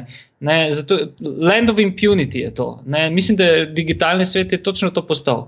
Ne. A, ho, a, hoč, a hočeš čist na popolnoma anekdotal do, dobro, dobro voljo, da sproduciram, kaj se bi lahko znalo v prihodnosti zgoditi. Na nikakršnih znanstvenih faktih, ampak samo moja teorija, ki, ki, ki me miri. Vsi se bohi napajajo od tvojih informacij, dajmo se vsi skupaj. Ja, mene je edina stvar, ki me malo, malo, malo, malo miri, ne, je to, da te generacije, ki pač zdaj odraščajo v samo temu uh, so se začele malo nazaj držati. Ne? Čeprav mogoče ne zgleda tako. Ne?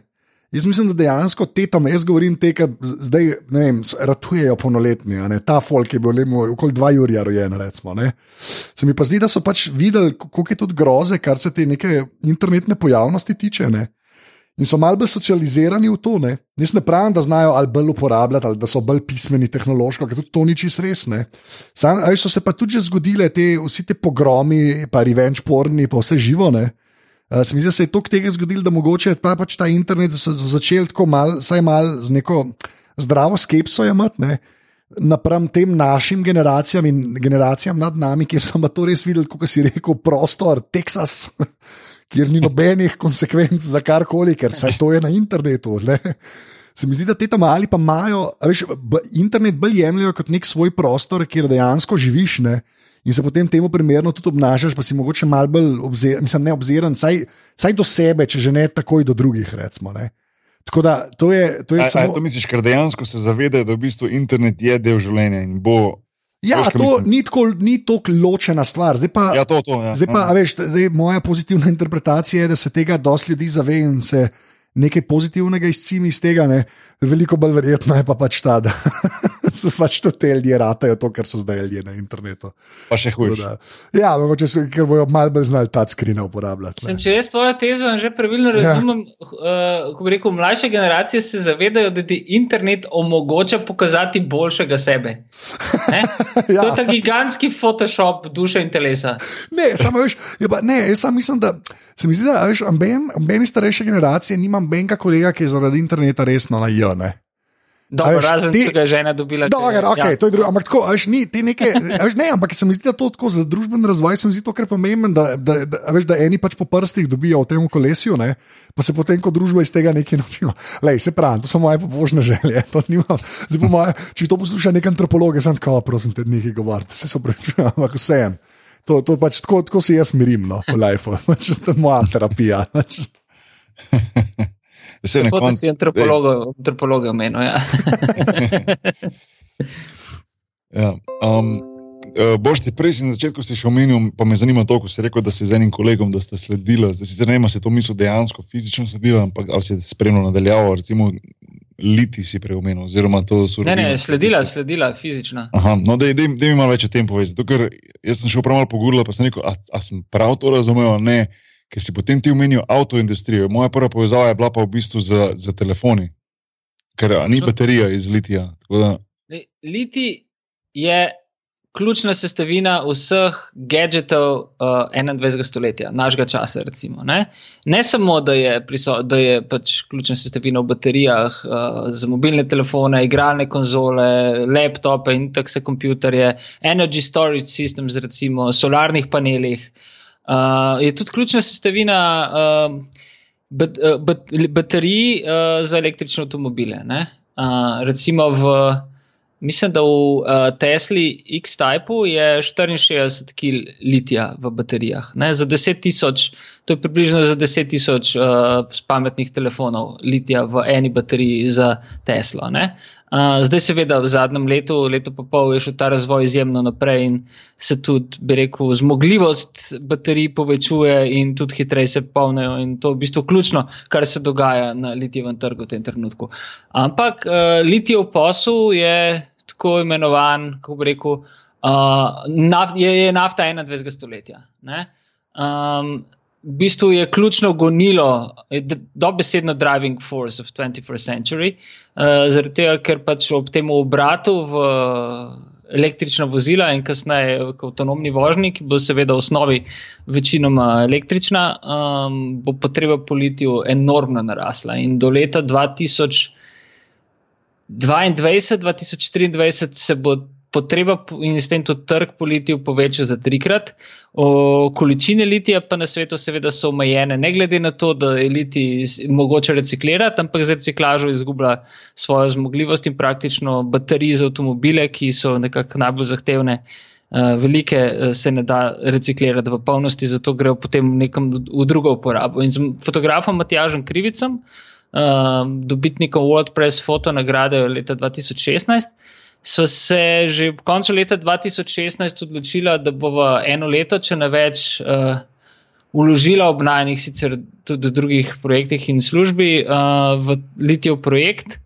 Uh, on je bil na začetku gonilna sila tega projekta in smo se najprej odpravili v Bolivijo. Na Salarde v Juni, to so največja slanišča na svetu, um, ki jih je s prostim očesom mogoče videti uh, iz vesolja. Um, To je 3600-3700 metrov visoko v bolivijskih Andih, praktično odrezano od sveta, in tam se nahaja po nekih podatkih uh, okoli 70 odstotkov svetovnih zalog litija, ki pa se seveda nahajajo uh, v tem velikem slanem jezeru. V litiji nikoli ni sam, vedno je povezan z nečem, ali je to magnezij ali potasij in tako naprej. In uh, svetom pač naredila zgodbo tako zelo dolgo časa smo bili tam, tudi vizualno izjemno fantastičen prostor. Uh, ne pozabimo, da je seveda Bolivija socialistična država, na nek način ekonomsko zelo odvisna in povezana s Kitajsko.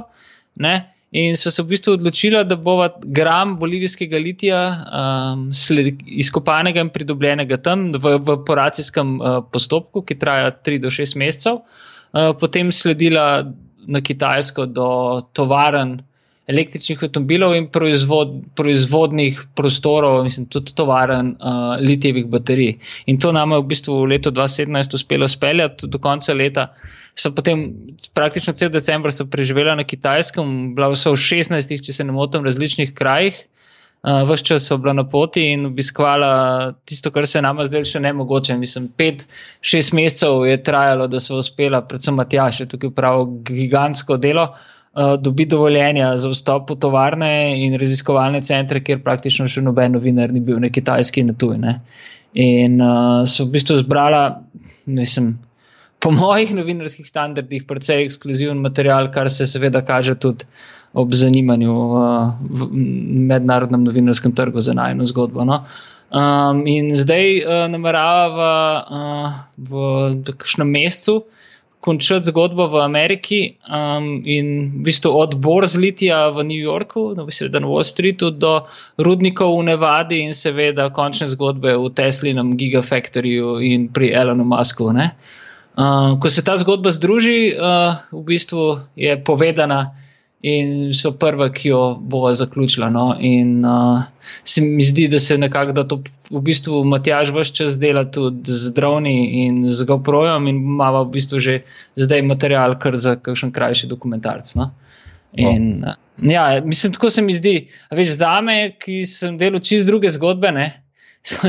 Rekel, ja, se, se to me presenetilo, ja, ker si v bistvu pa zdaj nekaj čakal, kaj je zdaj, ker naenkrat je orang preskok v neko drugo področje oziroma neka druga stvar. Čeprav si predstavljam, da tudi recimo tukaj si omenil, recimo, ne vem, si omenil rudnike ali kako, kako je že pridobivanje, da, tudi tu verjetno pride marsikje do da bomo rekel, pogojev, ki niso jih najbolj človeški, ali pa se mogoče motim. Vem, recimo, Seveda pri... pa okoljska škoda, poraba Tako, vode, ja. suša in tukaj tudi klimatske spremembe, že zdaj, predvsem v Boliviji in spoh Kitajske in tako naprej. Seveda so to faktori. Ne? In veš, hkrati se tu prepele geostrateško zgodbo, noter, kako Kitajska dominira v kompletnem supply lineu, kako je. V bistvu No, ampak, a, recimo, a sem to, a sem to, prosti, a sem to prav razumel, da v bistvu večino predobivajo v Boliviji, potem gre tu na Kitajsko in, in potem gre nazaj v Združene države Amerike, mislim nazaj. Mm, Zopet. Ne, ne, ne, ne, ne, ne, ne. Kitajska, eh, Bolivija Ostane, ima ja, ja, največje okej. rezerve, ampak ima katastrofalno infrastrukturo. Ne. Okay, Zaenkrat okay.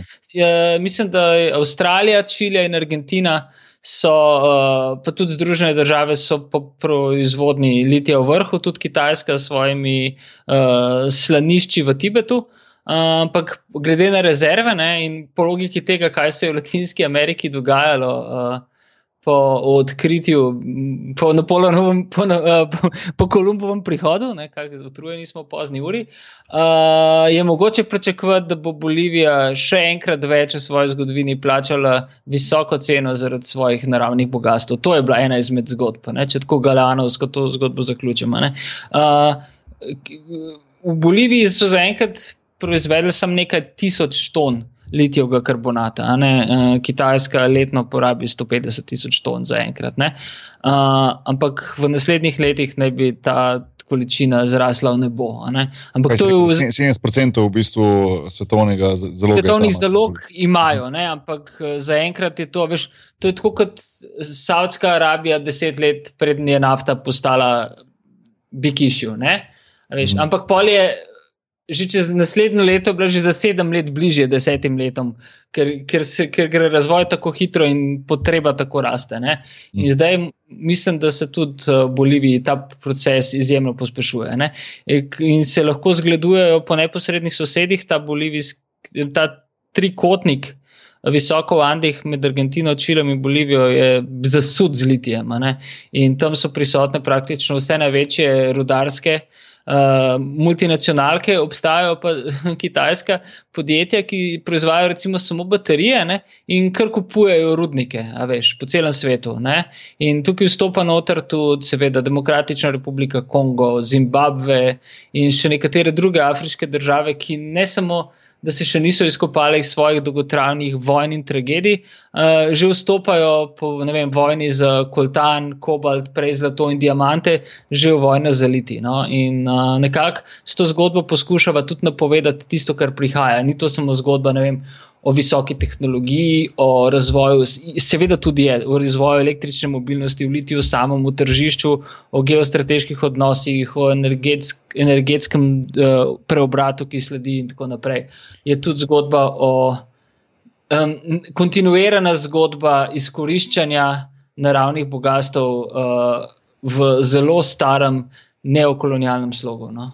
No, am- ampak lahko recimo tudi tule, zdaj, ko si prej omenil, da pač liti naj bi bil recimo nafta 21. stoletja. A pa je v bistvu možno pričakovati, čeprav mogoče malo glupo vprašanje, ampak vseeno je možno pričakovati, da bo recimo Bolivija pa potem v naslednjih 50 letih doživela, raz, pa še prej, doživela raz, razcvet, kot, kot ga je recimo, vem, Saudija Arabija oziroma Saudska Arabija oziroma to območje celo za, skupaj z Dubajem, Bahrajnom, Katarjem in tako naprej. A bomo se čez 20, 30, 50 let potem pogovarjali o vseh teh norih hotelih, pa uh, umetnih, umetnih plažah na jezerih, ker Bolivija pa je nima morja, pa ne vem, um, v Formuli zdaj 1, to ki bo takrat Čile v Formuli 1, tako ki bo v. Boliviji, ne v Formuli 1, ki bo v Boliviji, ne pa več v, v Bahrajnu, a veš, kaj mislim. Pač. lepa, lepa, lepa.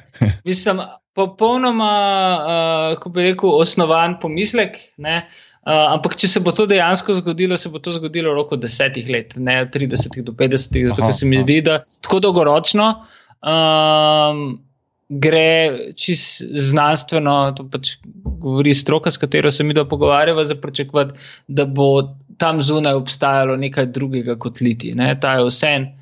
Uh, ni optimalen uh, za tisto, kar prihaja. ne. Ja, milo- Mogoče bo to milo rečeno, Ja. ja.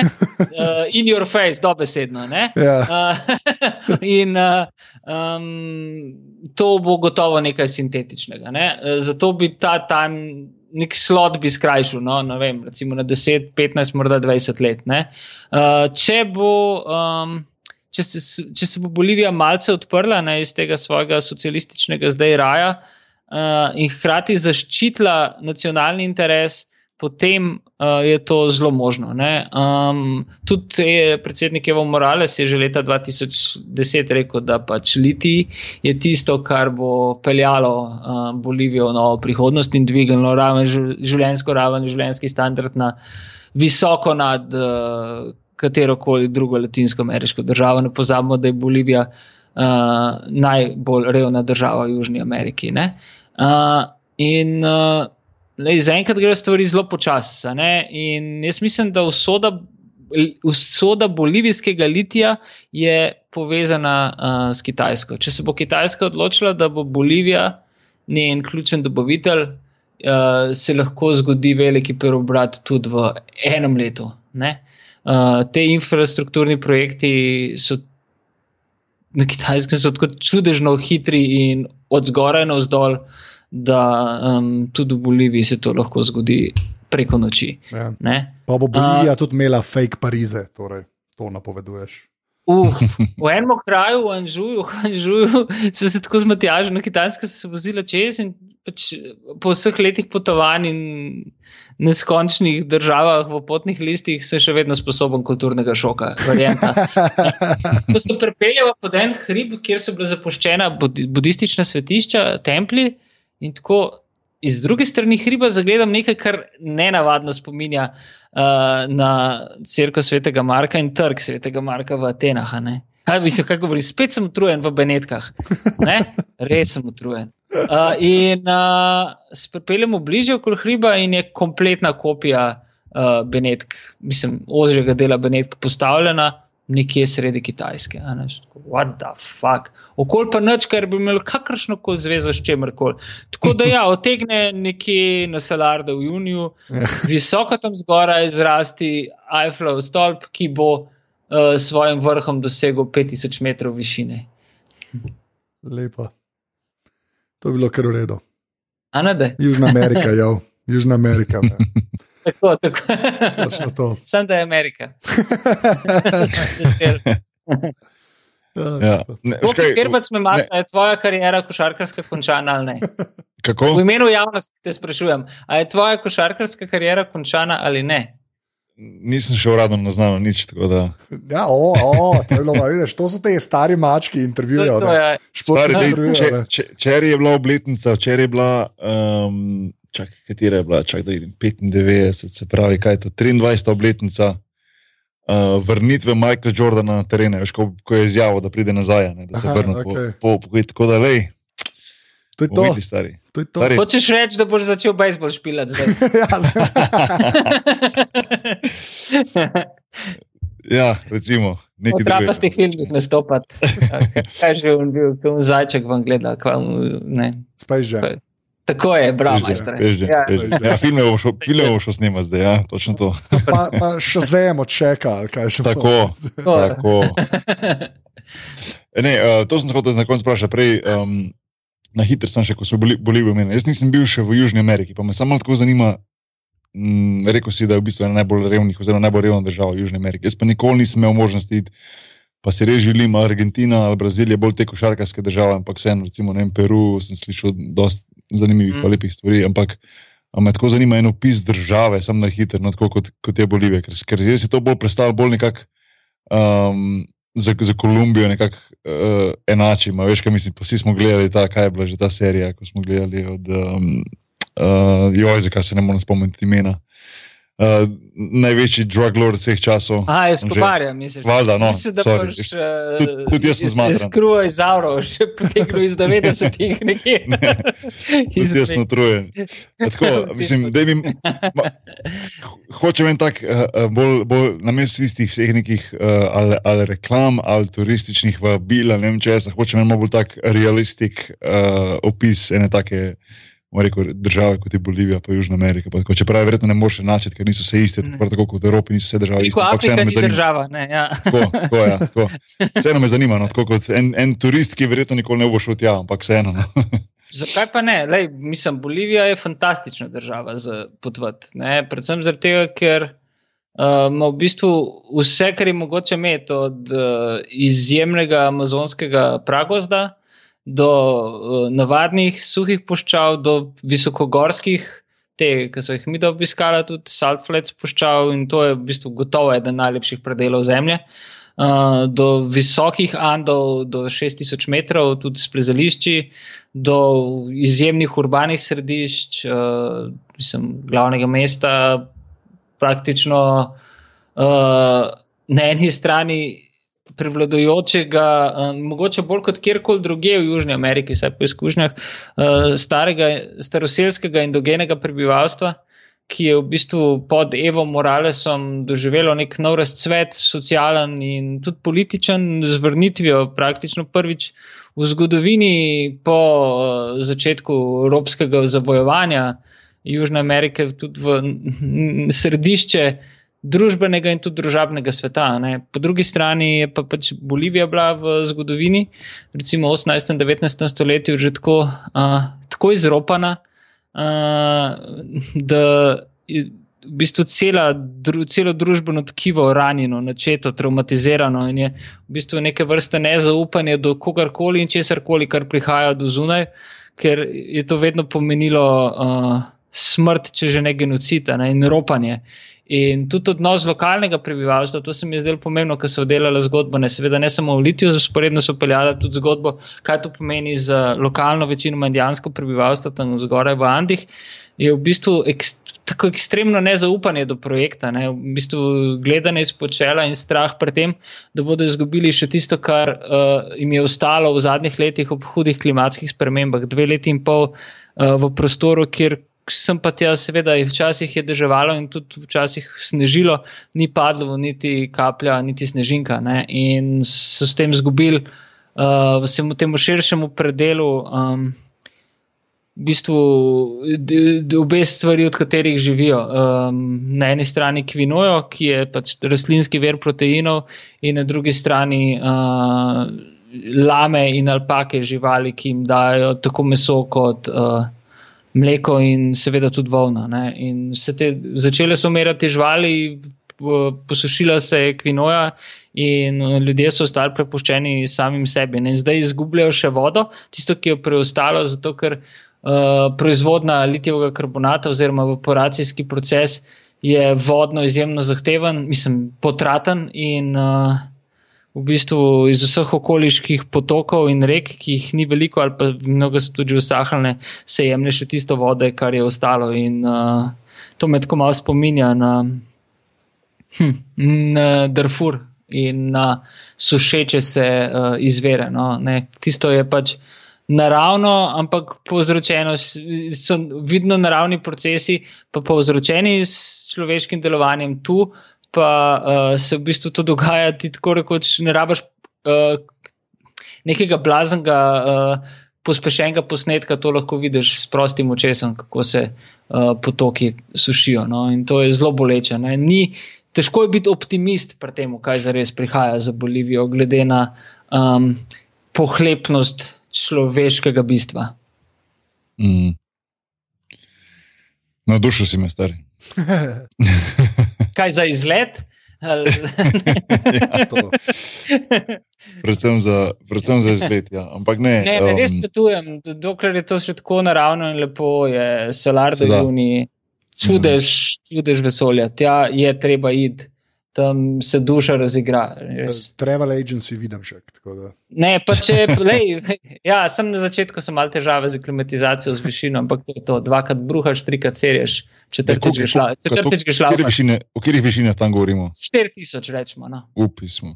Ja, ampak to, to, to je basic. Ne, ne vse je v redu, ne sem problem, ker je sonce, ker je ta, bi rekel, belo jezero, puščava ne, in je sonce tako močno, da če si vem, deset minut nimaš uh, ustnic namazanih, ti tako razpokajo, da bi ti jih nekdo vlekel na razen. Koža se ti posuši en, dva, tri. No. Samo uh, tako je lepo, da zreš in zreš. Jaz sem tam hodil vsak dan teč, da veš.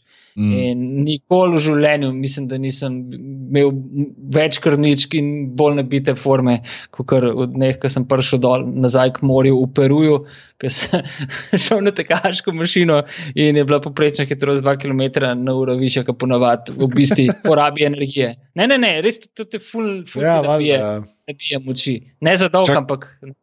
No, ampak prej si rekel, da bi se niti ena, ena snežinka ni, ni padla. Tako, ampak pol dejansko ni snega, mislim, si predstavljam, mislim, da je spet eno glupo vprašanje. Ampak recimo, ne vem, se si prej rekel, Andi, višina, ne vem, gore in tako naprej. Kaj recimo, kakšni športi povezani s tem? To sploh ne obstaja tam ali je to čist nerazvito ali je to nekaj, kar.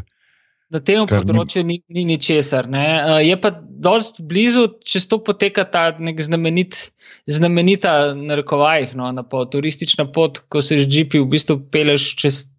Uh, iz La Paza prek vseh prelazov na Solarde v Juni, in potem se spuščaš malo nižji dol v puščavo Takama, ki je zelo blizu, in tudi tam je liti v Argentino, in tam je tromeja s Čilom. In, uh, tisti je veliko bolj turistično in tudi športno. Ne, tam recimo poteka uh, tudi znam, eden od najbolj znamenitih ultramaratonov, to je pač moj fetiš. Ne, in uh, te, te, te, te, te kraje so za bolivijsko mejo, ne, Bolivija je res. Res, res zaostala. No, Ampak mhm, mhm. ima to, ne, nočem zveneti zvenet tako, kako bi rekel, skoraj uh, orientalistično. No. Ima to neko svojo veliko privlačnost. No, in uh, to se najbolj pozna v bistvu uh, v tem, da je. Ima res ro, močno vlogo, je ta tako tradicionalno indijansko življenje. Ne? In uh, tako nekaj kilometrov naprej greš, je pa ostar res in uh, v bistvu industrijska družba. No? Tako da bi preklopil nekaj stoletij. No? Ne? Um, zato, zato se splača narediti to celo pot ne? v nekem uh, Orang Jeepu, seveda z vodičem, ne, mislim, dobro, lahko tudi brez, sem z, do, z dobro navigacijo uh, in z, to je me, me, mega trip. No, pa mhm. nisem, bi rekel, po naravi uh, turist, no, sam to bi pa šel tudi, več, več, tudi večkrat na leto. Zdaj, če bi imel bolivijsko ambasado, bi mi klele nekaj poslali v darilo. ja, evo, lej da bomo zaključili z Bolivijo, bomo naslednjič tu začeli, pa bomo videli, kam nas bo popeljalo, ker smo šli, se mi zdi, okoli okol sveta, to, kar smo prišli uh, vse, do vse, do, vse do Bolivije. Um, kar se nismo slišali, to je to. Ja, plačala ja. plačala ste ceno za ignoriranje. Ej, obljubim, da, na, obljubim, da do naslednjega pogovora ne bo spet leto po poteklo. Da, uh, umestni, v vsakem primeru, karkoli že ne smemo vmes let spuščati, kot smo 2017. Tako da ja, to se ne sme več zgoditi. To, to se strinjam. uh, boš ti full tanks. No. Ja, uh, Hvala vam, morda kdaj tudi v živo. Ja. Okay. Z, z veseljem. Uh, Drugač pa povej, kje si kaj na internetu. No? Uh, na Twitterju boš ti, boš ti, na Facebooku ime Prink, uh, ostalo pa poskušam držati stran od sebe. Zdaj ti prav. Zmer bolj. Zmer bolj, jaz. uh, Boki, kje si pa, oh, gad. Me že žal vprašati, kje si pa ti Prašaj, na internetu? Vprašaj. Ja. Jaz, sem, jaz sem pa na veru. Ja. Od zadnje epizode se je stvar drastično spremenila. Res, ja. Glede na to, da sem primil nič followerjev, ja. jih imam zdaj štiri. to je to. Baby steps, ja, baby Bej, steps. Napredujem. ja, jaz kot amater sem pa še vedno anzeto, več ali manj posod, tako da Twitter, Instagram in to. Tako da, češ, tako je življenje. Uh, drugače pa tudi, uh, seveda, uh, uh, podrobnosti početaj si uh, Twitter račun. Ki ga fura neslužen strokovnjak, uh, lahko nas podprete, to naredite tako, da greste na aparatus.si pošiljnica podprij. Uh, hvala vsem za ocene v iTunesih. Uh, sem kaj še pozabil, da admina? Uh, mislim, da ne. ne. Uh, ja, uh, pižama je nekje, to se da tako na začetku povedal. Shout out, shout out, out. To je to, ja. in uh, zdaj lahko rečemo adijo počasi. Uh, ti, ja, hvala. hvala tebi, stari. Hvala tebi. Zdaj pa reče reč adijo, zato ker Bog ima na koncu catchphrase. To imamo zdaj celo proceduro, to ne veš. Pazi zdaj to, reče adijo. Adijo. Čau. Srečno, pa ne za večno. Jaz ne bom se tega. Opomagaj. To je dobro.